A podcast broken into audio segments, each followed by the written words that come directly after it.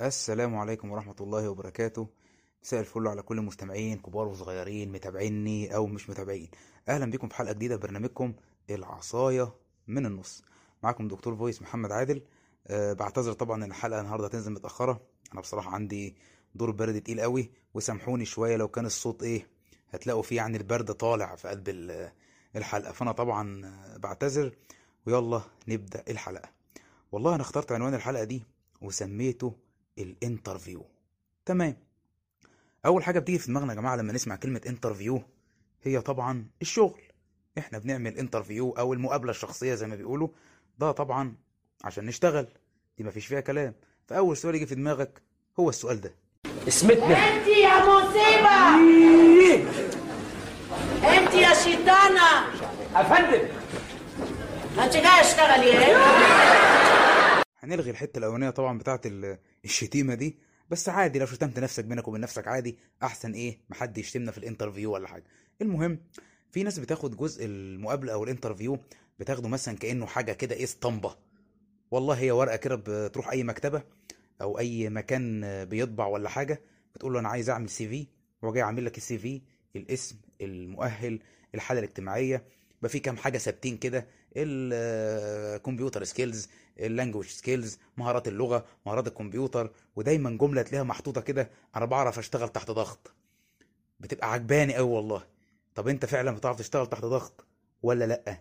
هو ضغط إيه بالظبط؟ اصله مش ضغط هوا. اشتغل تحت ضغط دي من يعني من أهم وأخطر الجمل اللي بتبقى أصلا موجودة في ال application بتاع ال interview وبعدين بتروح جاي طبع ورقتك زي الفل. بعدين تحضر نفسك. المكان طبعا اللي انت رايحه. تتشيك. تلبس كده الحتة على الحبل. البدلة طبعا أغلبه طبعا بدل يعني. ده بيبقى formal طبعا. والبدلة والساعة وتظبط نفسك وتحلق وتظبط تمام التمام وتحضر الكلمتين اللي انت هتقولهم وتروح كده أي حد تيجي داخل على جوجل وكتب إيه أكتر الأسئلة الشائعة في ال interview أكتر سؤال محرج في ال interview آه، إيه اللي ممكن يتقال لك في ال interview وبرضه خدوا بالكم إن إذا كنا إحنا بنروح نقدم باسطمبة فبرضه الناس ساعات كتير بتقدم اسطمبة. أنت رايح تقدم في وظيفة معينة تلاقي نفس الأسئلة اللي محطوطة وحاطين إيه؟ تحس إنها إجابات نموذجية. يعني أنا شايف إن ده فيه بعض الغلط بمعنى والله يا جماعة أنا دلوقتي راح أقدم لوظيفة معينة. في طبعا حاجات بتتكتب بتبقى مثلا زي ما تقولوا إجابات مضمونة. أسئلة معروفة إنها جاية في الامتحان ولها إجابة معينة زي اسمك سنك طريقة كتابة ال application ال CV هيبقى شكله عامل إزاي. أنا ما عنديش أي مشكلة في الكلام ده. المشكلة الحقيقية إن أنت مثلا ممكن تزود حاجات معينة أو تضيف حاجات معينة ما تبقاش أصلا عندك.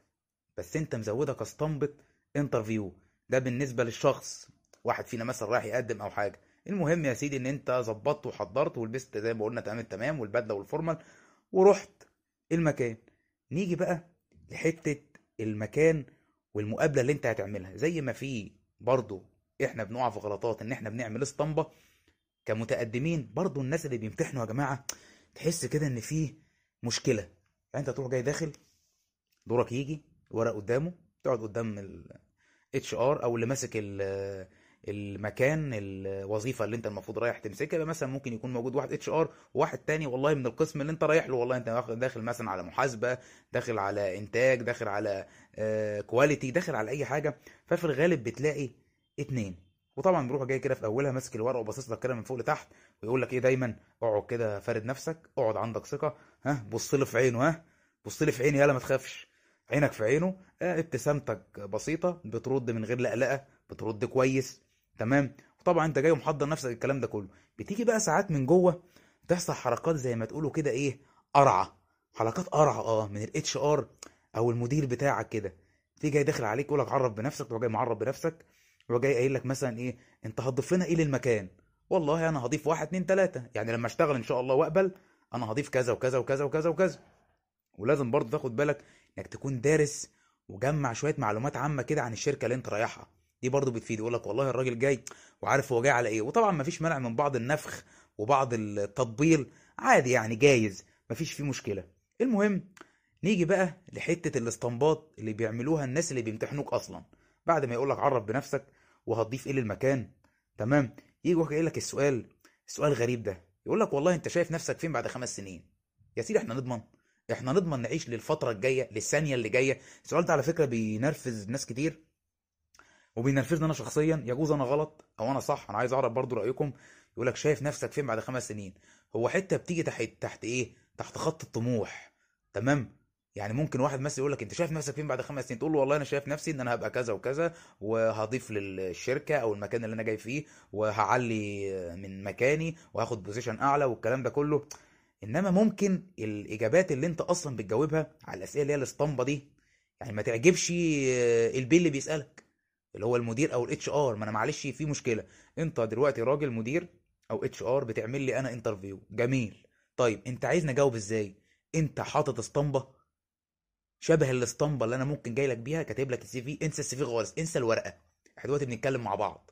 هل أنت حاطط إجابات نموذجية؟ أصل امتحان ثانوية عامة كل واحد فكره بيختلف عن التاني وكل واحد إجابته تختلف عن التاني. أنا بقى كدوري هنعتبرها كمصحح أو إن الراجل ال HR أو المدير بتاعك مثلا اللي أنا بمتحنك لازم أكون يا جماعة موسع دماغي شوية إني أسمع إجابة من ده وإجابة من ده. طريقة الإجابة نفسها ممكن ما تكونش لا إسطمبة ولا copy paste ولا شغل بصمجة بس الإجابة تعجبني تدخل مزاجي تكيفني كده.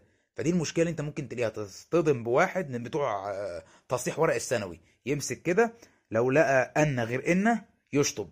لو ما لقاكش كاتب آه، الجملة دي في نفس نموذج الإجابة والإجابة ما شاء الله كلها صح يلغيها لك. أنت عايزني أجاوب بفكري تشوفني أنا مثلا بجاوب إزاي بتكلم إزاي بتحاول إزاي وجهة نظر إيه؟ ما كل واحد شايف نفسه يعني في مكان غير التاني.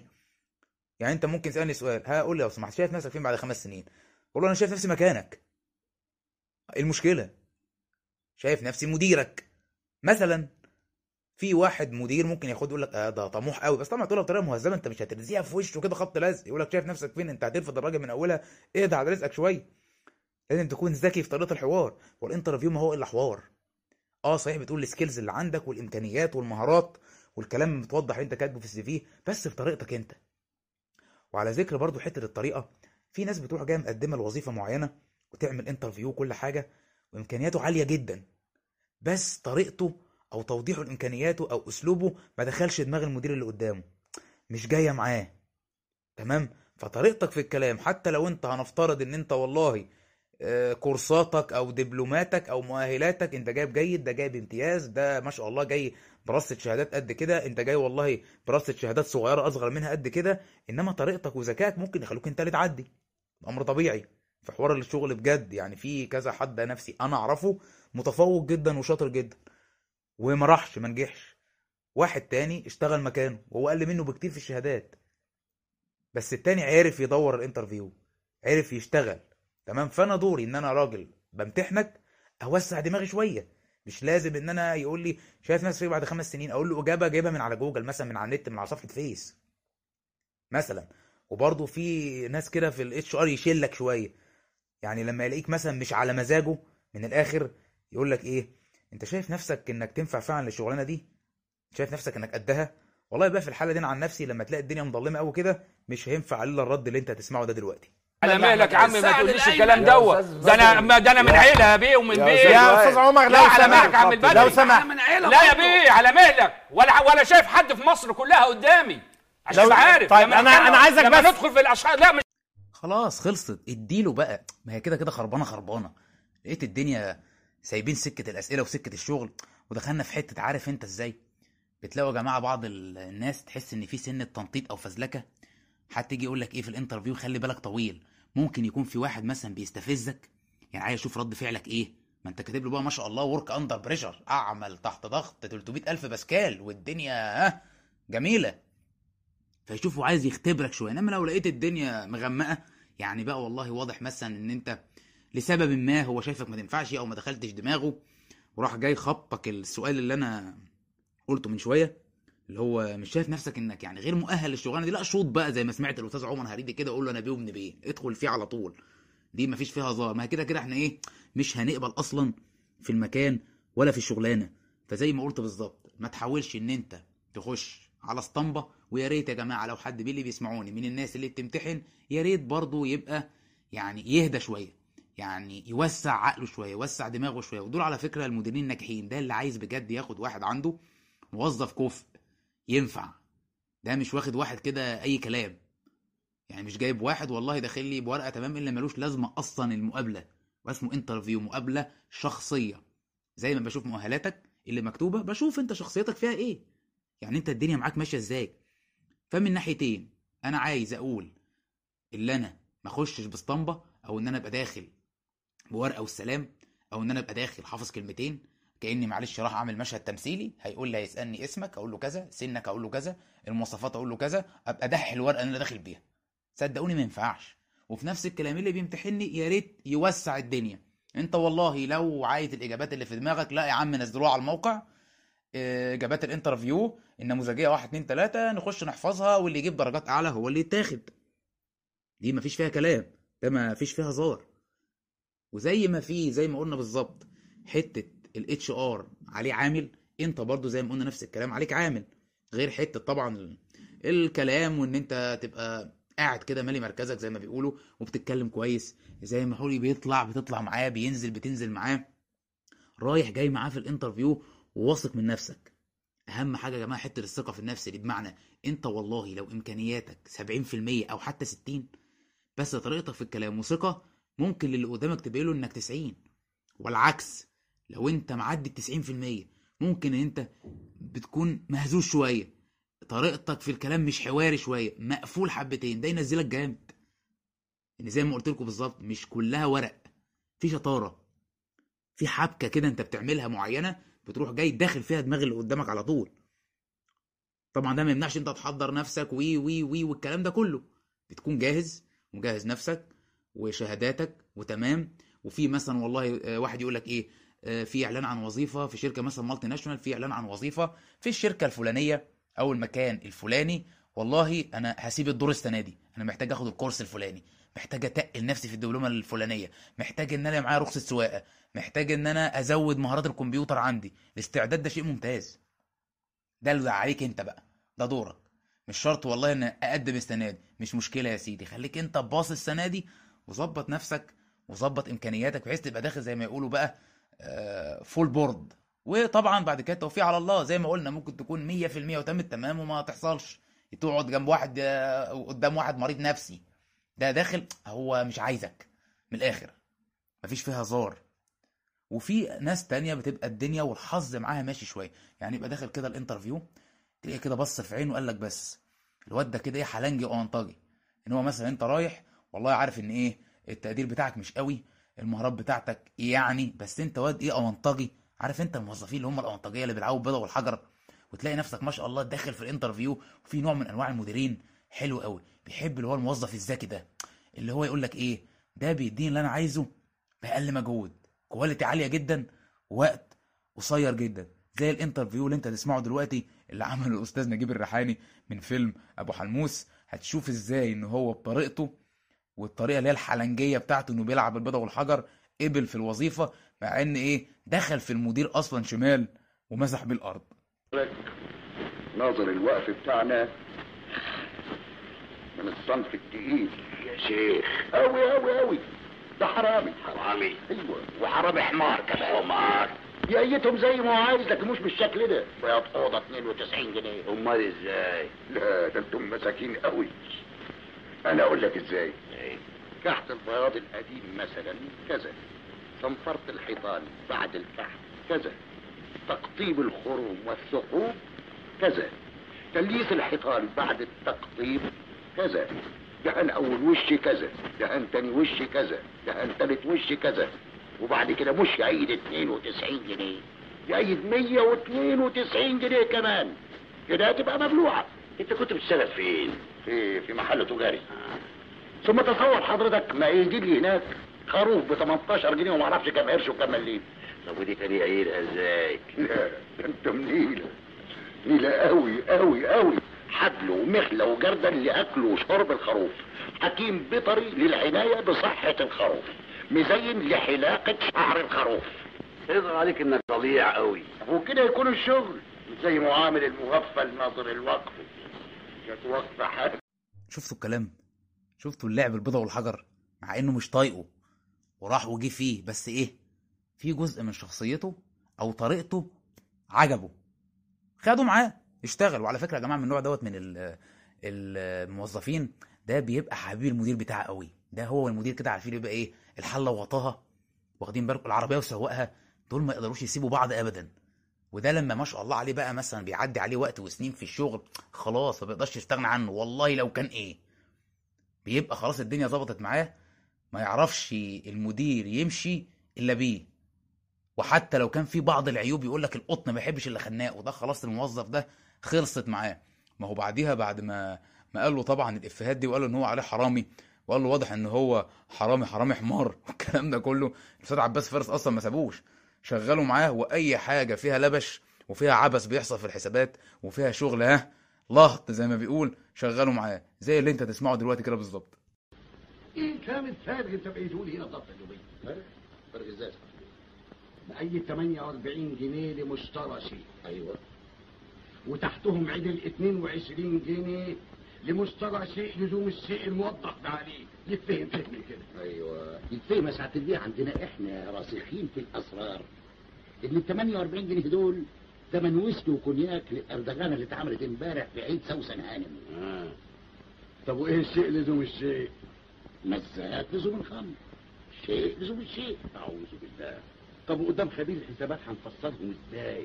الترتيب معمول يا سعادة البيه ما نازلين في دفتر الأستاذ المبلغين في نفس التاريخ ومذكور بيان عنهم إن ال 48 جنيه ثمن شيء وهو موتوسيكل هدية للمهندس نظير انجازه مصارف الأبعدية.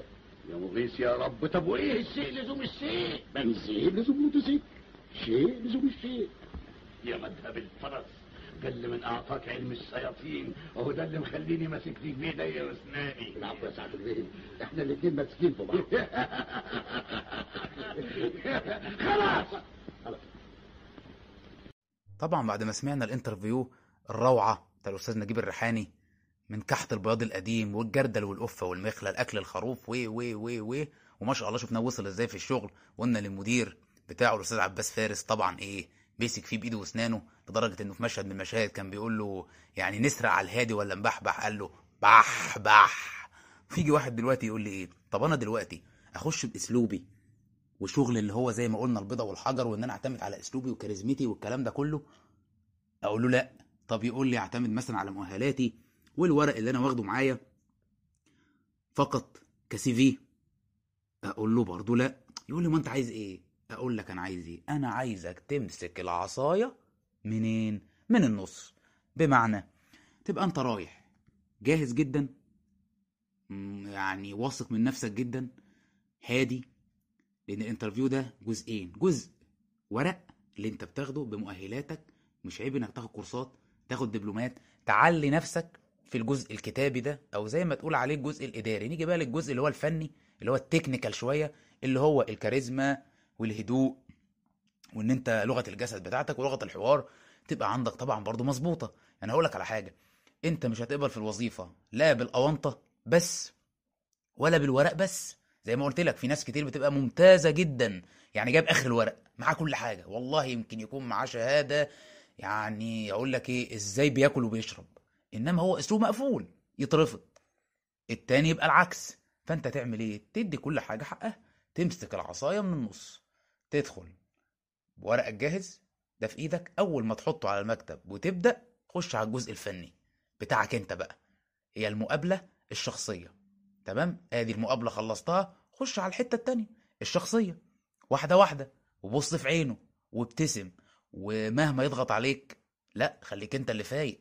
ورد عليه واتعامل واعرف هو سكته رايحة فين بالظبط. والله زي ما ربنا يريد أو ييسر هي كده كده هتيجي معاك زي ما قلت لكم يا جماعة دلوقتي بالذات حتة الشغل أو أو الوظيفة دي يعني فيها ساعات كتير بتبقى كل عوامل النجاح كل العوامل بتبقى متوفرة إن أنت رايح كده كده يعني حاطط في دماغك مليون في المية وطبعا كله بتوفيق ربنا إن أنت هتقبل وإن أنت هتنجح وفجأة تصطدم بناس بتتفزلك في ال HR بتصطدم مثلا بنوع من أنواع الحظ العاسر أو الحظ السيء.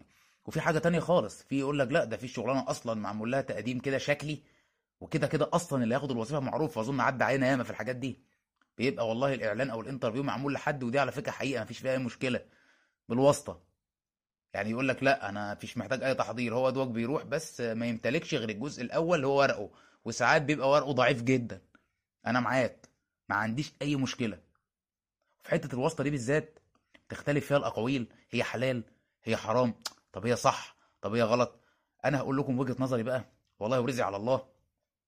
بالنسبة لحتة الواسطة والله أنت مدام قوي في شغلتك وقوي للمكان اللي أنت رايحه وفعلا مؤهل تمام التمام ما عندكش أي مشكلة وجاهز مفيش مشكلة إن الزقة توصلك إنك تمتحن بس. لأن في ناس أصلا ما بتاخدش فرصة إنها تقعد. ما بيمتحنش أصلا. فلو الجزء ده فيه الواسطة لا مش حرام. مفيش فيه أي مشكلة. تتزق إن أنت تخش وأنت فعلا قوي أنت مش داخل أي كلام. مش هتاخد حاجة من حد مش هتاخد حق حد. بالعكس تماما لو أنت مش قد كده خالص وأنت راجل رايح بالتليفون ألو؟ آه شاد ابني يا محمد بيه جاي لك النهارده وهيجي لك كذا كذا. دوبك أنت بتروح أصلا ممكن مش بالورق الورق ده بعد كده إحنا إيه هنلمه مع بعض هنعتمده وندخلك في الملف بتاعك عادي جدا. لا دي حرام. مفيش مشكلة. يعني الواسطة للقوي إن أنا أقدر أوصله أنا والله لو في ايدي أنا هقدر لا هعملها أنا ما عنديش مشكلة. إنما هي تبقى حرام إن أنا كده دخلت واحد معلش ملوش في أي حاجة خالص أبيض وخليته يمتحن ويقعد ياخد فرصة المفروض كان ياخدها حد تاني. فده وجهة نظري في جزئية الواسطة. إمتى يكون لها لازمة وإمتى لأ؟ فأنت بالنسبة لك زي ما قلنا هتعمل إيه؟ هتمسك عصايتك من النص. والله أنت قوي ومحضر ومحضر زي ما يقولوا مهنيا بعد ما تحضر مهنيا تحضر شخصيا وبعد شخصيا تحضر شكليا الفورمال بتاعك. كل دي على فكرة يا جماعة عوامل محدش يستهتر بيها. خد كل حاجة كأجزاء وكل جزء بيكمل التاني مهما كان صغير. يعني في الجزء ده إحنا اتكلمنا عن ثلاث حاجات بالظبط. واحد اتنين تلاتة. حاول ان انت تروح بالتلاتة كلهم مع بعض ومدي كل جزء حقه. والله بقى قابلك حظ وحش أو قابلك بعض الصعوبات انت مالكش يد فيها كل حاجة في الأول وفي الآخر بتوفيق ربنا. لأن فعلا بتبقى في بعض ال- الوظائف وبعض ال- الانترفيوهات فيها حاجات كتير جدا مستفزة. زي مثلا أقول لكم على سؤال كده حلو في حوار السفر. لو واحد يعني عادي يسافر الخليج ولا حاجة يجي السؤال ده. أنت ناوي ترجع مصر تاني؟ أمال يا ابني أروح فين؟ هتدفن عندكم؟ طب ما أكيد ناوي أرجع مصر. وفي ناس ما قبلتش بسبب إجابة السؤال ده. يعني يقول لك لو اللي بيعمل لك انترفيو شم يا دوبك شم ريحة إنك راجع مصر. لا إيه المفروض إن أنا أعمله؟ يعني أكتب اقرار على نفسي إن أنا راجع مصر. أدفن فيها بس بعد ما أتعب. يقول لك لا أنا عايزك. فده مشكلته بالطريقة دي هو اللي دخل فكرة الاسطمبة عند شباب كتير من اللي رايحين يعملوا مقابلات واللي رايحين يعملوا interview ات إن هو ملزم نفسه باسطمبة معينة بطريقة معينة. دي كلها مش شرط. وفي نفس الوقت برضه هقول لكم على حاجة ما تحاولش أنت تعمل interview ات في حاجة مش بتاعتك. يعني والله أنت شايف إنك هتاخد فرصة في المكان الفلاني وأنت حابب المكان ده اسعى وراه. اعمل interview في نفس نوع الوظيفة في مكان في التاني في التالت في الرابع. لأن ممكن الدنيا تقفل معاك خالص مثلا والله والجزء اللي أنت عايز تشتغل فيه أو بتحبه ده مش جاي معاك. يجي يقول لك والله أنا ممكن ها أتنازل عن تخصصي شوية وأنقل تمام في المكان الفلاني أعمل انترفيو في مكان تاني بطريقة تانية إن أنا أشتغل. ده بيندرج تحت حتة الشغل مش عيب دي ما فيش فيها طبعا أي مشكلة. وحب ما تعمل حتى تعمل ما تحب والكلام اللي إحنا طبعا إيه هارسينه ده كله. إنما دايما حاول إنك تسعى في الحاجة اللي انت بتحبها. هقول لك ليه. الشغل دايما يا جماعة في الحاجة اللي الواحد بيحبها صدقوني أي مجهود فيه بيبقى بسيط ما بيحسش الواحد بتعب. على عكس لو انت مكان مش طايقه أو وظيفة انت مجبر عليها حتى لو تعملها انترفيو هتنجح أو حتى لو من غير انت بتتعب صدقني. يعني بيبقوا ال 20 ساعة هنا قصادهم ثلاث ساعات هنا.